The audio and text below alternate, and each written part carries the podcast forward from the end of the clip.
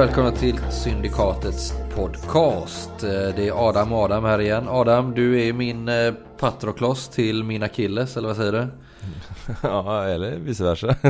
ja, jo det, jo det är din Patroklos till dina killes. Min, eh, min Butch Cassidy till Sanders Kid. Ja, din Chanso Pasha och... Till min Don du, Eh, Till din Don Quijote, yes. Eh, här är vi i alla fall och vi ska prata om eh, troper idag igen. Och vi ska snacka om tropen The Hero's Journey. Eller hur? Tung tråp, tung tråp en tisdagkväll. Ja. Vi ska snacka om The Hero's Journey. Eh, något kort om den, även kallad eh, monomyth. Ja, just det. Monomyten. Ja. En eh, term som eh, Joseph Conrad, Joseph Conrad, Joseph Campbell heter han. Eh, Hero with a thousand faces. exakt, den skrev han, när var det? 49 kanske? Någonstans där va? Och det är en, eh, vi ska säga att monomyth, ordet monomyth kommer ju inte ifrån honom utan kommer ifrån James Joyce. En av mina favoritförfattare. Eh, en av hans böcker. Joseph Campbell var ju en stor beundrare av, eh, eh, av Joyce. Och monomyth eller Hero's Journey. Ska vi sammanfatta det i egentligen vad det handlar om? Adam, vill du ta eh, The lead eller ska jag köra på? Ja, ja, jag kan köra lite. Alltså monomyten eller vad heter det? Hjältes resa då. Är ju en ehm, ett ett steg, en sjustegsplan eller en tiostegsplan beroende på hur man ser det. 17 till och med enligt eh, Joseph Campbell. Eh, ja precis, med eh, 17 shit. 17 steg Eh, vill han eh, urskilja. Eh, där hjälten då eh, eh, utvecklas. Eh, vi kan ta en, en, en av de stora populär, eh, populärkulturella eh, hjältarna i det här är ju Luke Skywalker. Eh, George Lucas tog ju jättemycket inspiration från Joseph Campbells eh, Hero with a thousand faces. Mm. Man träffar, eh, man lever ett ganska lugnt och beskedligt liv, träffar någon form av mentor och blir utkastad i äventyret. Man säger nej till äventyret och man kastas in igen och sådär. Det finns många. Det som Joseph Campbell gör, du får gärna fylla i här sen, Mm. är ju att han tittar på jättemånga mytologiska berättelser. Ja precis, han, alltså det han tar fram det, det handlar ju om, vad ska man säga, arketypiska hjältar. Från Precis. eh, skilda mytologier runt om i världen. Mm. Som enligt Campbells teori i alla fall genomgår i princip samma typ Resa, av eh, ja, resa. eh, Helt enkelt. Eller hur? Mm, Precis. Eh, sen så har väl, jag, jag läste en, eh, en kurs i somras. På skoj då, en sommarkurs. Och läste, vad heter det, Stefan Arvidssons Draksjukan. Där han kritiserar Joseph Campbell ganska mycket. Det finns ju många som gör. Ja, det, det är så. Så att, eh, jag skulle säga att det här är inte eh, det här är inte axiom utan det, det, finns, det finns kritik. Men den är väldigt, hans teori är väldigt intressant helt klart och väldigt användbar i eh, rollspel och eh, narrativskrivning och hjältebeskrivning. Vi ska väl också nämna att han hade föregångare. Som han, kanske inte, som han kanske inte var medveten om. Jag tänker på Vladimir Prop till exempel.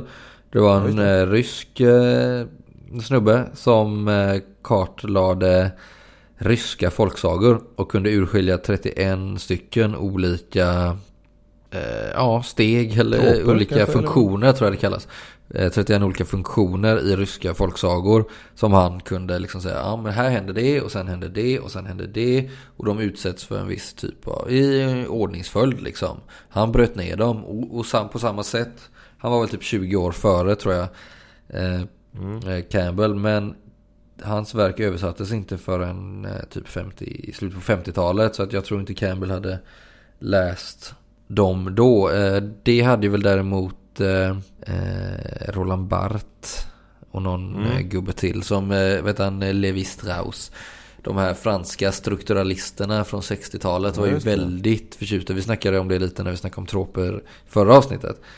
Ja, just det. Nej men som sagt, Levi Strauss. eh, Levi Strauss, jag orkar inte gå in så mycket på de gubbarna. Men de eh, uppmärksammade i alla fall eh, propp.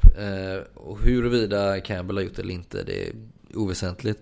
Men det är många som har tagit fasta på hans teorier. Bland annat som du nämnde då, George Lucas.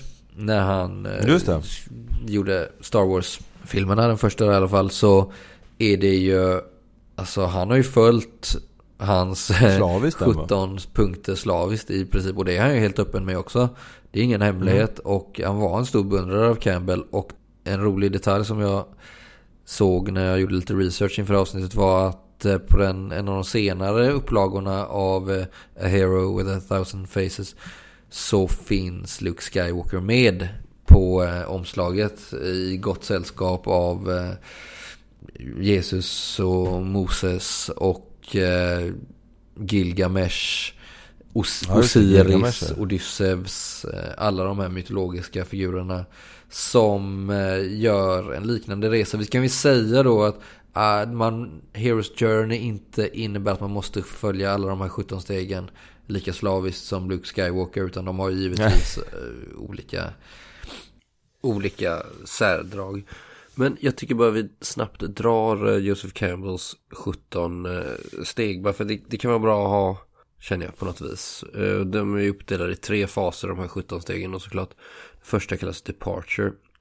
Och som du sa där Adam, så är det nummer ett The Call to Adventure. Två Refusal of the Call. Och tre Supernatural Aid som du var inne på alla om det. Fyra Crossing the Threshold. Fem Belly of the Whale. Och sen börjar fas nummer två som kallas Initiation. Och då är det nummer sex The Road of Trials. Sju The Meeting with a Goddess. åtta Woman as Temptress. nio Atonement with a Father. 10 Apothesis. 11 The Ultimate Boon. Och sen så den avslutande tredje fasen som kallas Return. Och då har vi 12 The Refusal of the Return. 13 The Magic Flight. 14 Rescue from Without. 15 The Crossing of the Return Threshold. 16 Master of Two Worlds. Och avslutningsvis 17 Freedom to Live. Och Vissa kanske bara följer vissa av de här punkterna. Men det är ändå en...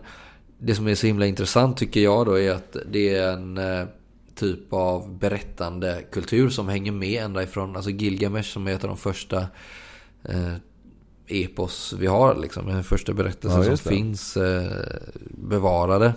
Mm, en av de första, vad heter det? En av de första katastroferna också. En av de första, vad heter det? Apokalypsberättelserna faktiskt också. Ja, men en av de första berättelserna som finns bevarade överhuvudtaget. Det finns inte många som är äldre än den. Liksom. Den här eh, myten, eller monomyth, det slår ju också en annan klang på den här Kristusmyten. Eh, vilket är Ja, lite intressant. Det, alltså den eh, Kristusmyten är ju den här teorin om att Jesusfiguren är baserad på tidigare förlagor. Så som vi nämnde då Osiris i eh, Egypten då. Egyptisk Eller mytologi då. Antika Egypten. ja, precis. Och eh, flera Dionysos eh, i grekisk mytologi.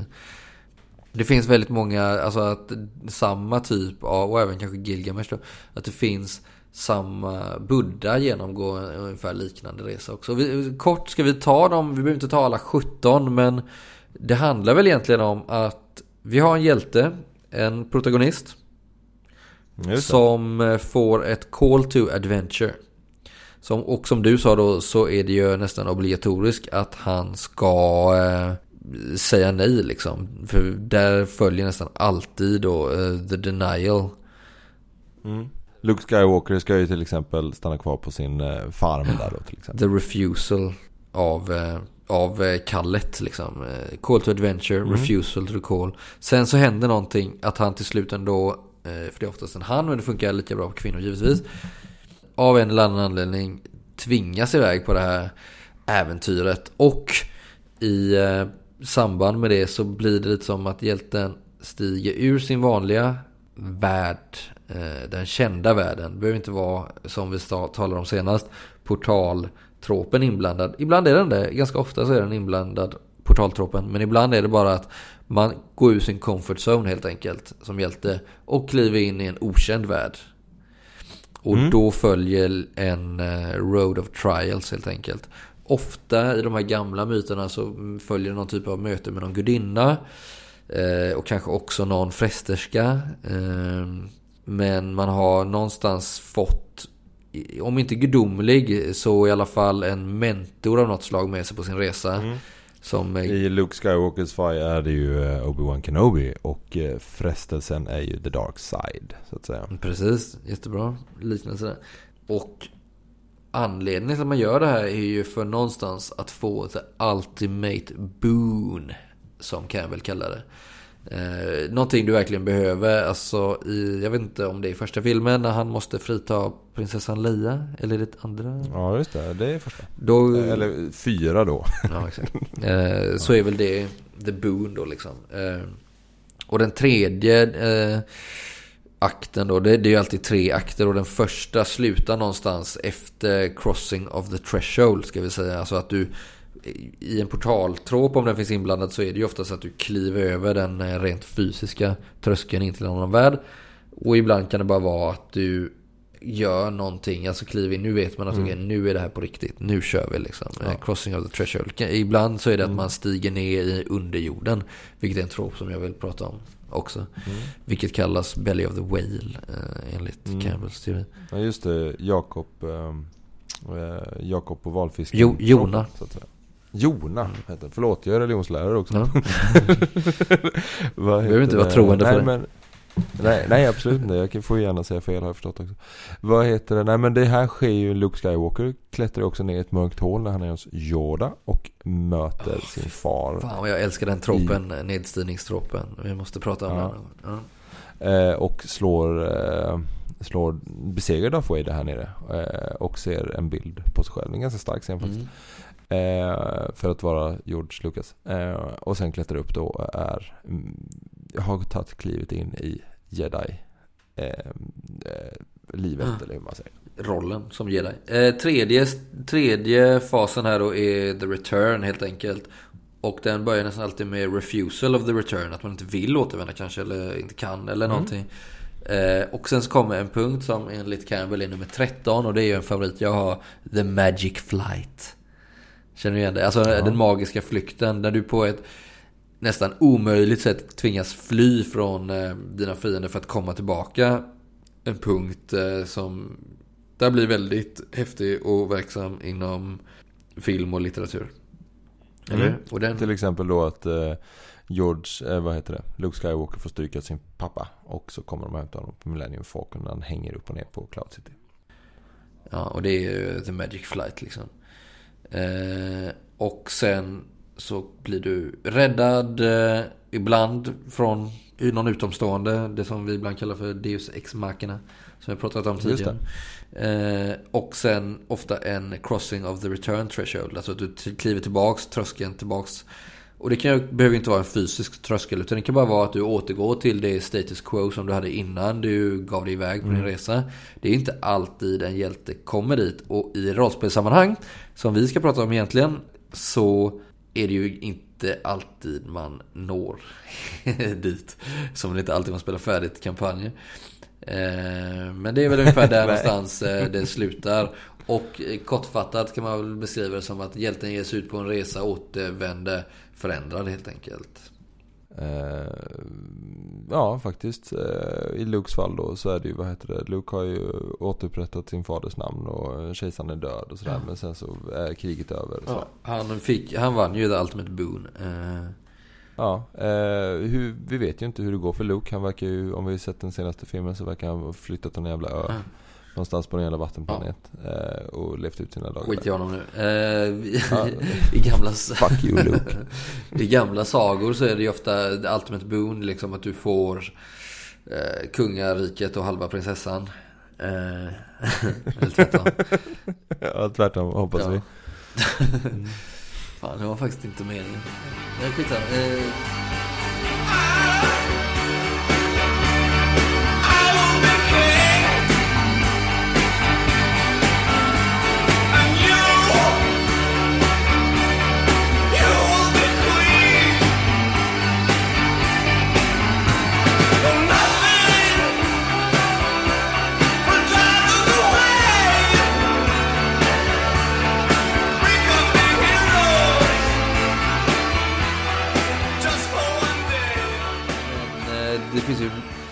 som är så intressant med den här tropen är ju att det finns ju alltså variationsmöjligheterna är ju oändliga och Den första frågan vi ska ställa oss, jag tycker vi hoppar på med en gång för nu har vi pratat eh, Ja. så pass länge redan. Hur använder vi det här i rollspel? Eh, Ja, hur gör man? Ja, hur men gör det man? jag känner, jag tror att ett svaret är ganska enkelt. Att jag tror att alla som har spelat rollspel har upplevt denna tropen vare sig de vet det eller ej. Även om du inte Mm. är- är medveten om det så har du varit hjälten. Det som skiljer just rollspel, ska jag säga, det är det som är så fascinerande med rollspel som, eh, som hobby eller som medie eller som konstform eller hur man nu vill se det. Det är att du har inte en antagonist, du har inte en hjälte utan du har ju oftast lika många hjältar som ni spelar i gruppen. Om ni inte har gjort upp det på annat sätt. Visst är det så? det. Är det som gör sig så Ja, eh, annorlunda. Du har ju inte bara en Luke Skywalker utan du har ju fem Luke Skywalkers kanske. Mm. Eh, ibland kan det vara så att, eh, det har jag sett i vissa spel, så här, att man gör att eh, det är en person som är huvud, eh, huvudpersonen då. Och sen så att resten är, blir någon form av henchmen eller eh, Men det är inte jättevanligt. Men jag har sett att det finns. Absolut. Har vi några exempel på eh, när vi har stött på den här ingen? Har du några du kan komma på? Dem? Jag klurar på det. Ehm, det som jag tycker mig är, vad heter det? Eh, I den här, vad heter de? Eh, right Mind. Håller vi på med det här eh, Ljusets barn i Ja, Snösaga. exakt. Där blir ju det lite av en hjältesresa. Det var exakt, det var faktiskt mitt första exempel. Mm. Eh, och den kampanjen har funnits nästan så länge som jag spelat rollspel. Och det var, vi gav oss an den kampanjen flera gånger. Och den blev väl någon typ av akilleshäl för hela vår grupp och för mig som spelledare också. Eh, jag spelar den fortfarande på sätt och vis. Eller nej, jag är färdig med Snösaga nu. Men eh, jag gillar den där grejen. Eh, Den är ofta ganska förknippad med The Hero's Journey. Det där, Ja, det. eh, den tropen av att vara utvald. Mm. Jag tycker den är så jävla spännande. Och det går ju att göra i så många olika sätt som det bara går. Och det behöver inte bli klyschigt. Det får vara lite klyschigt. Men det finns jäkla potens. det finns en jäkla potens i den tropen. Det här med att vara utvald. För jag, jag kommer ihåg att jag fick eh, den rollen en gång som ljusets barn. Men vi spelade givetvis aldrig. Vi kommer väl inte längre än att vi kom till eh, Vildland typ. Hur som helst så... Men det är väl där alla slutar för det är en sån här lång jävla fest som man måste spela igenom som tar sjukt jävla lång tid. Sen ska man gå och sen så helt plötsligt så är man där och sen så orkar ingen spela längre för då har tre dött i en jävla snöstorm. Ja, men det är, så, det, det är ju så det blev när vi spelade den. För att vi var så pass unga och eh, okunniga. Eh, vi kunde inte vara troper på den tiden. Så vi följ, följde ju det som stod i boken. Och då blev det inte helt lätt. För där står det uttryckligen att här ska det komma två månaders snöstormar att ta sig an. Nu, nu överdriver jag, men du förstår vad jag menar. Vilket, så behöver du inte spela. Du kan ju göra om hur du vill. Eh, Jag, när jag spelade Snösaga senast så la jag den i en helt annan del av Trudvang och gjorde om ramverket helt. Och i det här fallet så tyckte jag i alla fall att vi har en spelare som faktiskt genomgick The Hero's Journey eh, utan att vara ljusets barn. Var, det är Simons rollperson Ravan jag tänker på som vi faktiskt har nämnt tidigare i den här podcasten. Eh, Ja, han, han var verkligen den här bondpojken eh, som tillsammans med sin bror eller halvbror, för Ravan var då halvalv eller halvalf, blev, fick ett call to adventure. Deras far eh, stod i skuld till någon annan eh, inflytelserik person så de var tvungna att lämna sitt hem. Och vilket de var tvungna att göra då liksom för att uppfylla sin heder. Så det började i den änden att de fick ett Mm. Call to Adventure. Jag tror inte de vägrade det men de var väl lite tveksamma till det. Och sen på den här resans gång så drogs de sedan in i den stora intrig som kom att bli liksom eh, historien om Snödrottningens återkomst och det som blev Snösaga sen då. Eh, Och den Ja. personen är fortfarande vid liv eh, och han har väl ännu inte återvänt hem så han har inte gått hjulet runt liksom ännu. Men Ja. han är ju i grunden förändrad och han är ju vid det här laget en omsjungen hjälte. Och har väl också gått igenom många av de här punkterna. Inte på, inte på grund av att jag har suttit och bockat av och jag tror inte ens jag var bekant med Campbell när vi började spela detta liksom. Men det är väl det närmsta en spelare jag har haft som, som spelledare i alla fall.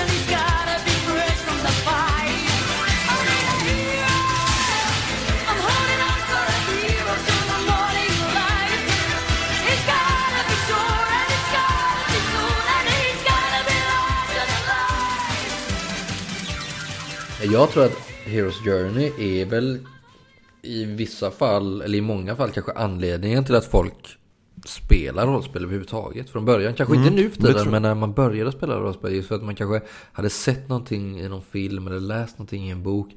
Och man vill göra samma sak själv.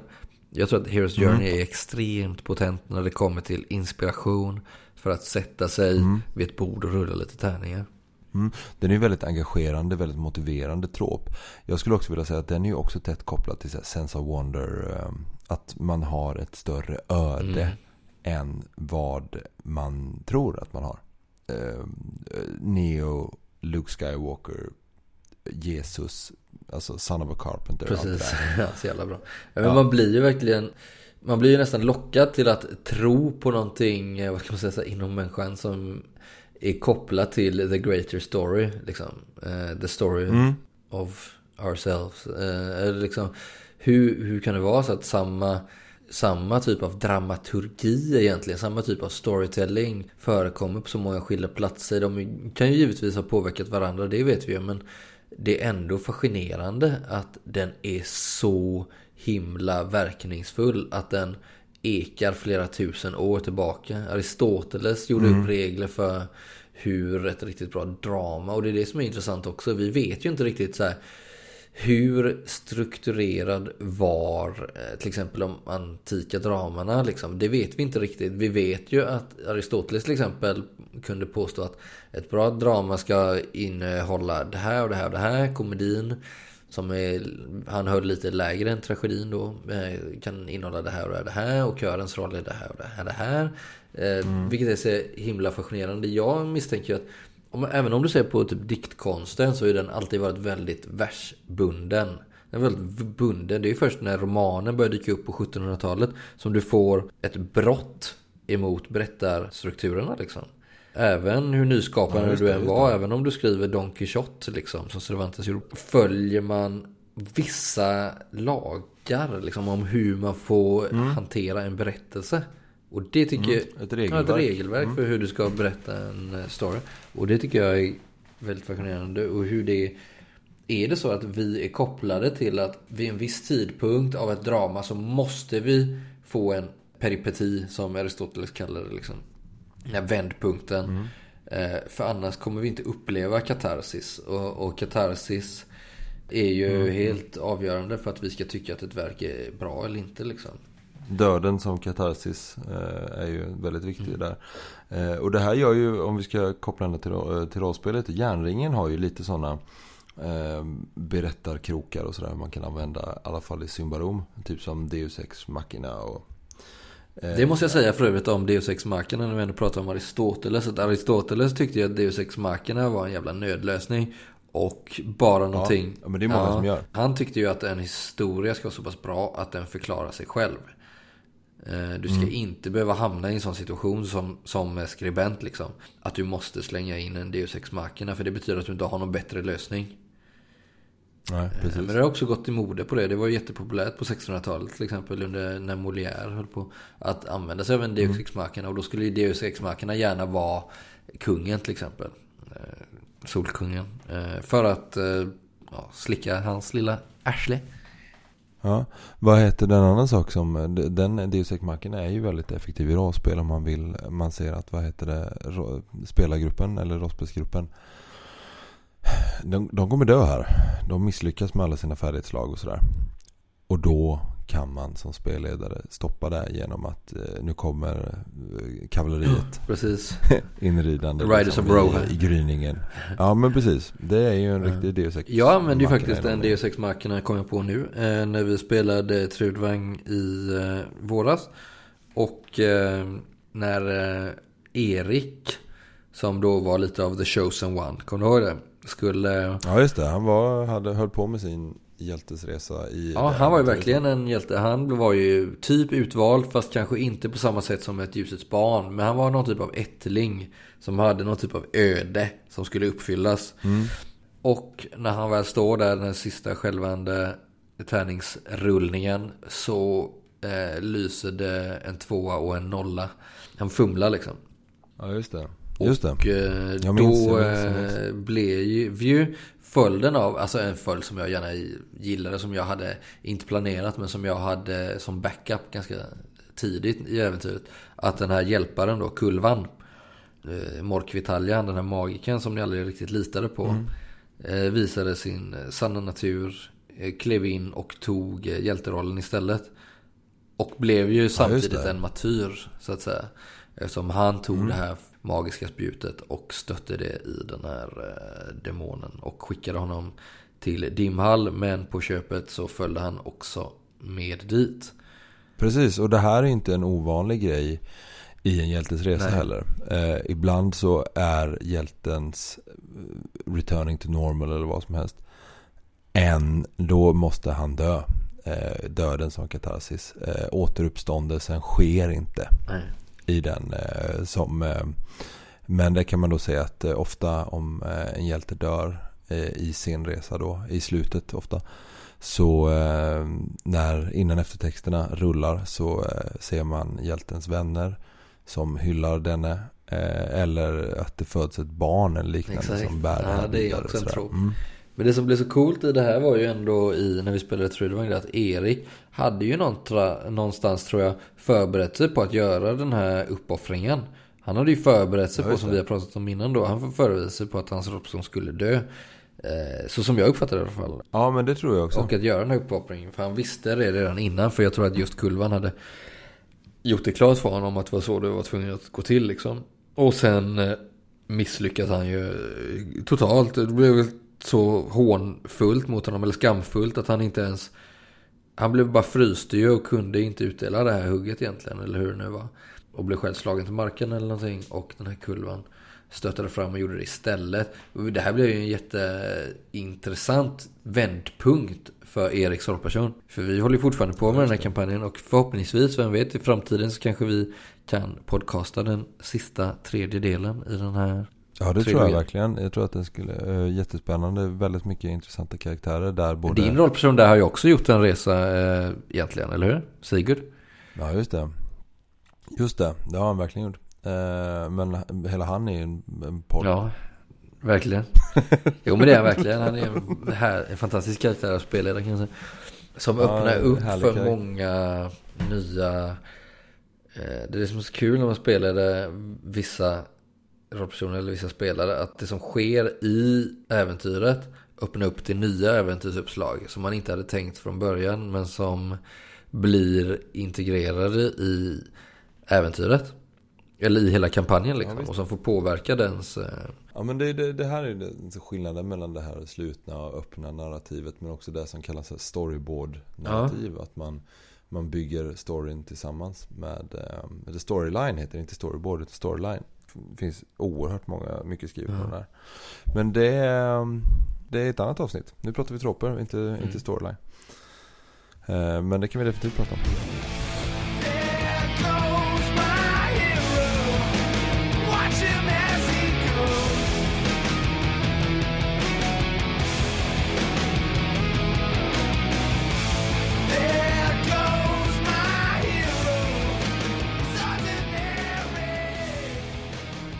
Det, jag tycker att den här eh, tropen är eh, så intressant för att jag tror att många skulle säga så här, men jag vill inte spela utvald, jag vill inte spela hjälte utan jag kanske vill spela en helt Vissa kanske föredrar någon typ av diskbänksrealism, andra kanske eh, älskar att spela fantasy och sci-fi fast de föredrar någon typ av eh, mer sandboxing-spel. Men jag tror att man lurar sig själv om man tror att bara för att du gillar eh, sandlådespel så behöver inte det betyda att du inte genomgår en hjältes resa. Liksom. Jag tror att hjältens resa, som vi pratar om den nu, är nog lite tyvärr förknippat med det faktum att du ska göra en Luke Skywalker historia och att det därför också följer en viss dramaturgisk kurva och att det medföljer dramatisk musik på rätt ställen och en uppgörelse med din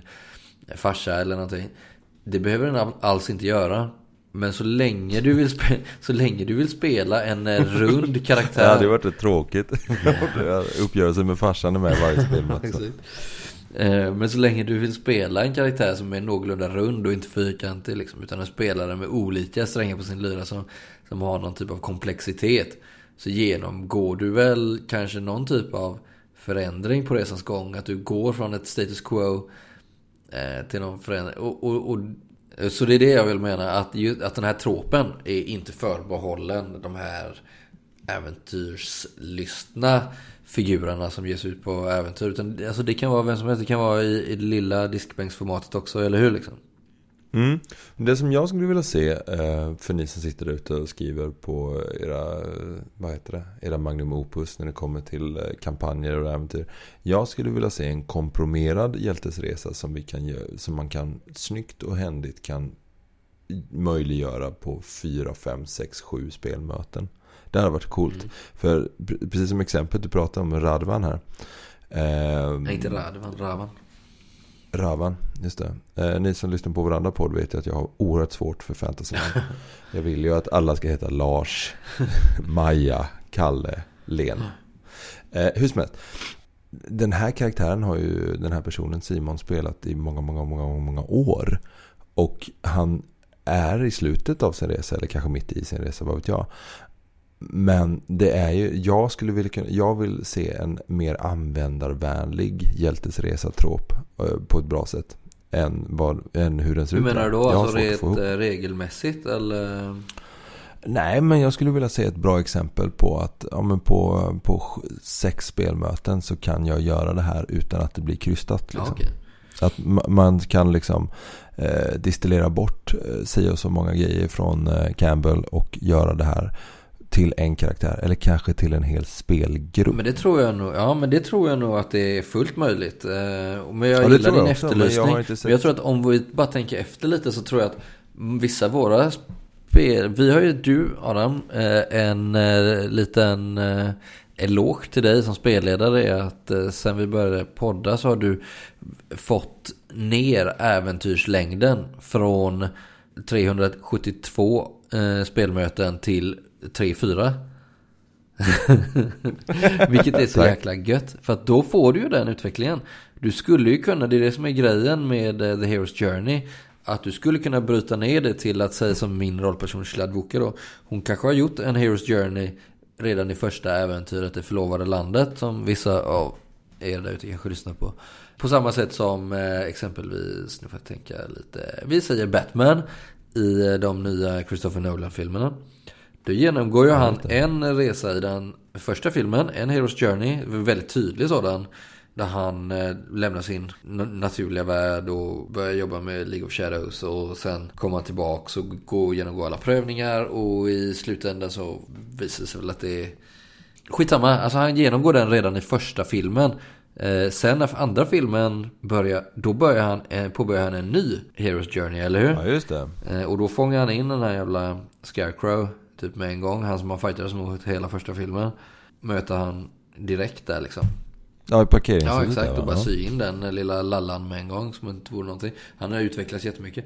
Eh, Men det behöver inte betyda att hans, alltså han är, man skulle kunna om man vill säga att hela hans liv är en Hero's Journey. Men samtidigt så verkar den här karaktären inom ett medium som är uppdelat i tre olika delar. Och då måste han, för att den här, det här mediet som är filmen då, bli, för att den ska bli dramaturgiskt verksam, eh, effektfull, så måste han genomgå den här resan inom varje film. Mm. Han går in, genomgår ju en stor samtidigt som han genomgår tre små Ja, hjältesresor. precis, och det är det jag menar att även rollpersoner kan göra. Så jag menar att om man bara bryter ner det så skulle man ju kunna säkert göra en eh, Hero's Journey dekonstruktion på exempelvis eh, Shladvuka första äventyret där. Men det, det, det jag efterlyser egentligen är att det ska finnas, alltså äventyret ska vara skrivet Ah, okej. så här. Så att, ja men så här gör du en hjältesresa med den här berättelsen. Ja, ja absolut. Jag tänker bara så här, antingen så måste man då, det är det som är också lite farligt. Hur blir det då? Blir, man, blir det för rälsat då kanske? Eller kan det vara väldigt, väldigt öppet så att det blir så att man, antingen får man skriva väldigt mycket bakgrundsanteckningar för att få det att funka. För man måste vara öppen för alla vändningar, förstår du vad jag menar? Ja, just det. Eller blir det tvärtom så att man eh, rälsade för mycket då kanske? Mm. Men det här är också väldigt intressant för du var inne på det här för eh, lite tidigare. Att det, vad, vad gör man med spelaren som inte vill göra en hjälteresa? Ja, precis. Nej, men det var det som är, det tänkte jag också komma tillbaka till. Det tror inte jag alls att alla vill. Nej, absolut. Vissa vill, eh, jag tror vi har spelare i vår grupp som inte är så intresserade av att göra den resan. Just för att man kanske har uppfattningen om att då kommer det bli klyschigt och det där har jag sett på film hundra gånger och jag vill inte hamna i den situationen. För den har jag redan sett, den är ju redan uttjatad liksom. Den är pensionerad vid det här laget. Men då tror jag att, som du säger, att eh, finns det i baktanken hos spelledaren så kommer den här spelaren få stöta på den här resan ändå. Fast han eller hon inte är medveten om det. För du vill inte ha en statisk karaktär heller, det vill ingen ha. Så jag kan säga att jag, jag vill inte spela någon hjälte, men det behöver du inte göra. Du kan spela... Du behöver liksom inte spela Neo, Neo i Matrix eller Ja, just där. det. Utan, Den är ju också, Neo är ju väldigt, eh, precis som, eh, vad heter den, Luke Skywalker. jättetydlig, särskilt första filmen. Det finns jättemånga exempel. Men alltså, du måste inte spela den typen av karaktärer. Jag lovar, jag, alltså, okej, nu utmanar jag mig själv här. Men säg fucking Åmål. Där har Mm. du en film som är så, så långt ifrån fantasy och sci-fi du kan komma egentligen liksom. Men jag skulle vilja påstå att du, om du bara satte den ner så skulle du kunna... Ja men Åmål finns ju inte på riktigt, eller? Nej, precis. Borde inte göra det i alla fall. Nej, ska jag förlåt. Eh, Ja, eh, eh, ja, men det gör det alltså? Åmål finns ja. Ja, okej. Ja, ja, vi, Ja. vi, Eh. ja, vi kör. Mm. Eh, nej men alltså om du skulle vara sån så skulle du kunna sätta dig ner och dekonstruera fucking Åmål. Säg så här, vad heter hon? Eh, Agnes till exempel. Nej vi säger Elin. Eh, Elin är hon den populära tjejen. Vi säger att hon är the, eh, the, the hero då liksom. Tänker du att hon får call to adventure. Det är när hon blir bjuden på fest av Agnes. The refusal är ju då liksom att hon eh, går dit och bara är taskig mot, mot Agnes. För ingen annan är där. Hon och hennes syster går dit och de är bara taskiga mot henne och går därifrån. Sen så får hon dåligt samvete, och går tillbaka. Och det är då hon eh, ger sig ut på äventyret egentligen. Hon kommer tillbaka och kastar någon sten på hennes fönster, kommer du ihåg det? Alltså jag såg den här, i och för sig fick jag se om den när jag läste lärarprogrammet. Men, Alla borde se eh, den någon gång ja. om året. Hur som helst så, så, så, så kommer... Eh, Ja. Det vet inte jag om våra fantasy-älskande fans gillar den här. Men jag, jag vill bara bevisa, jag vill bara bevisa en poäng. Så säger vi att hon kommer, hon kastar stenar, hon kommer ut och det är då sker breaking of the threshold. Då går hon över tröskeln. Eh, då kliver hon in i en annan värld. Eh, skulle jag säga, Elin. För att hon ger sig hän, de här känslorna hon kanske ändå har för Agnes. De hamnar i den här bilen. Vilket skulle kunna vara Belly of the Whale. När de just det. eh, åker med liftar där. De spelar den här låten. Eh, I wanna know what love is. Vilket sker där någonstans under Belly of the Whale och vad ska man säga? Eh, meeting of the Goddess. De är väl två små gudinnor båda två där kanske för varandra. Och de ger sig ut på en road of trials. Eh, Okej. Atonement with a father. Det har hon ju definitivt. Agnes här då, nu byter jag perspektiv. När hennes pappa i den här fantastiska scenen sitter och säger till henne att du är en fantastisk människa. Trots att ingen har kommit på hennes fest och hon är vilsen. Det är en av de bästa scenerna mellan far och dotter som jag har sett. Hur som helst, eh, The Ultimate Boon. Eh, det är när de får varandra inne på den här toaletten. Och Refusal of the Return. Då alla står ju och bankar på att de ska komma ut, de vägrar komma ut. Nummer 13, The Magic Flight. De spelar Broder Daniel. Underground. De springer ut de från springer skolan. ut från skolan. Ja, okej. Och nummer 17, Freedom to Live. O'boy-scenen. O'boy-scenen. När de sitter och blandar O'boy och hon säger att jag har haft alltid för mycket O'boy och så får jag ha i mer mjölk. Och de är fria att vara hur kära i varandra de bara vill. Och dricka O'boy och ha ett fantastiskt liv. Jag vill bara bevisa Ja, poäng med att även ja. i de mest eh, diskbänksrealistiska eh, scenarierna du kan spela så finns det ändå en Heroes Journey om du vill eh, att det ska vara det. Och det är det, kanske så man ska behandla en spelare som eh, inte vill göra The Heroes Journey. Nej, fan, eh, fan vad bra. jag tror att du nailade det där. Jag tror att du satte den. Ska vi säga så? Vi skulle ju kunna prata hur mycket mer som helst om eh, Ja. The Heroes Journey. Jag tror att vi kommer nog komma tillbaka. Jag kommer nog komma tillbaka till det här med Kristusmyten. Ja, men jag med. Men jag blev så tagen av, av, av den här berättelsen så att jag måste, jag måste gå och lägga mig. Ja men då säger vi så. Jag kommer inte sova i natten då, jag kommer bara ligga och tänka på På Agnes och Elin. Nej, jag kommer tänka på hur Dels hur, hur, hur bra du satte det, dels hur Hur väl du kommer ihåg fucking Ja, men Åmål det slår mig ju nu när jag har Campbell framför mig. Ja, Jag har inte sett den filmen så se, ser jag, vad heter det, Lukas Borderssons jävla öron på, vad heter det, Guldbaggegalan de, de ser, Kommer du ihåg den där gången jag Mm. återberättade mandomsprovet för dig? Ja, och jag äh, återberättar, du spoilade Jag spoilade ju allt. allt, men jag skulle bara berätta en film jag hade sett och det var mandomsprovet. Han går ju, genomgår ju också The Hero's Journey, men det behöver inte, jag behöver inte försöka. men då blev i alla fall sittande i typ 40 minuter, sen hade jag berättat hela filmen och ja, det var en fin kväll. Ja. Det var Då var vi typ eh, 19-20 år. Ja, men ska vi säga så? Och nästa gång får vi väl prata om eh, något helt annat. Vi har ett par troper förberedda. Något ännu smalare Mm. Ja, Men vi säger så. Tack för att ni lyssnar eh, och vi hörs snart igen. Hej då. hej då Bye bye.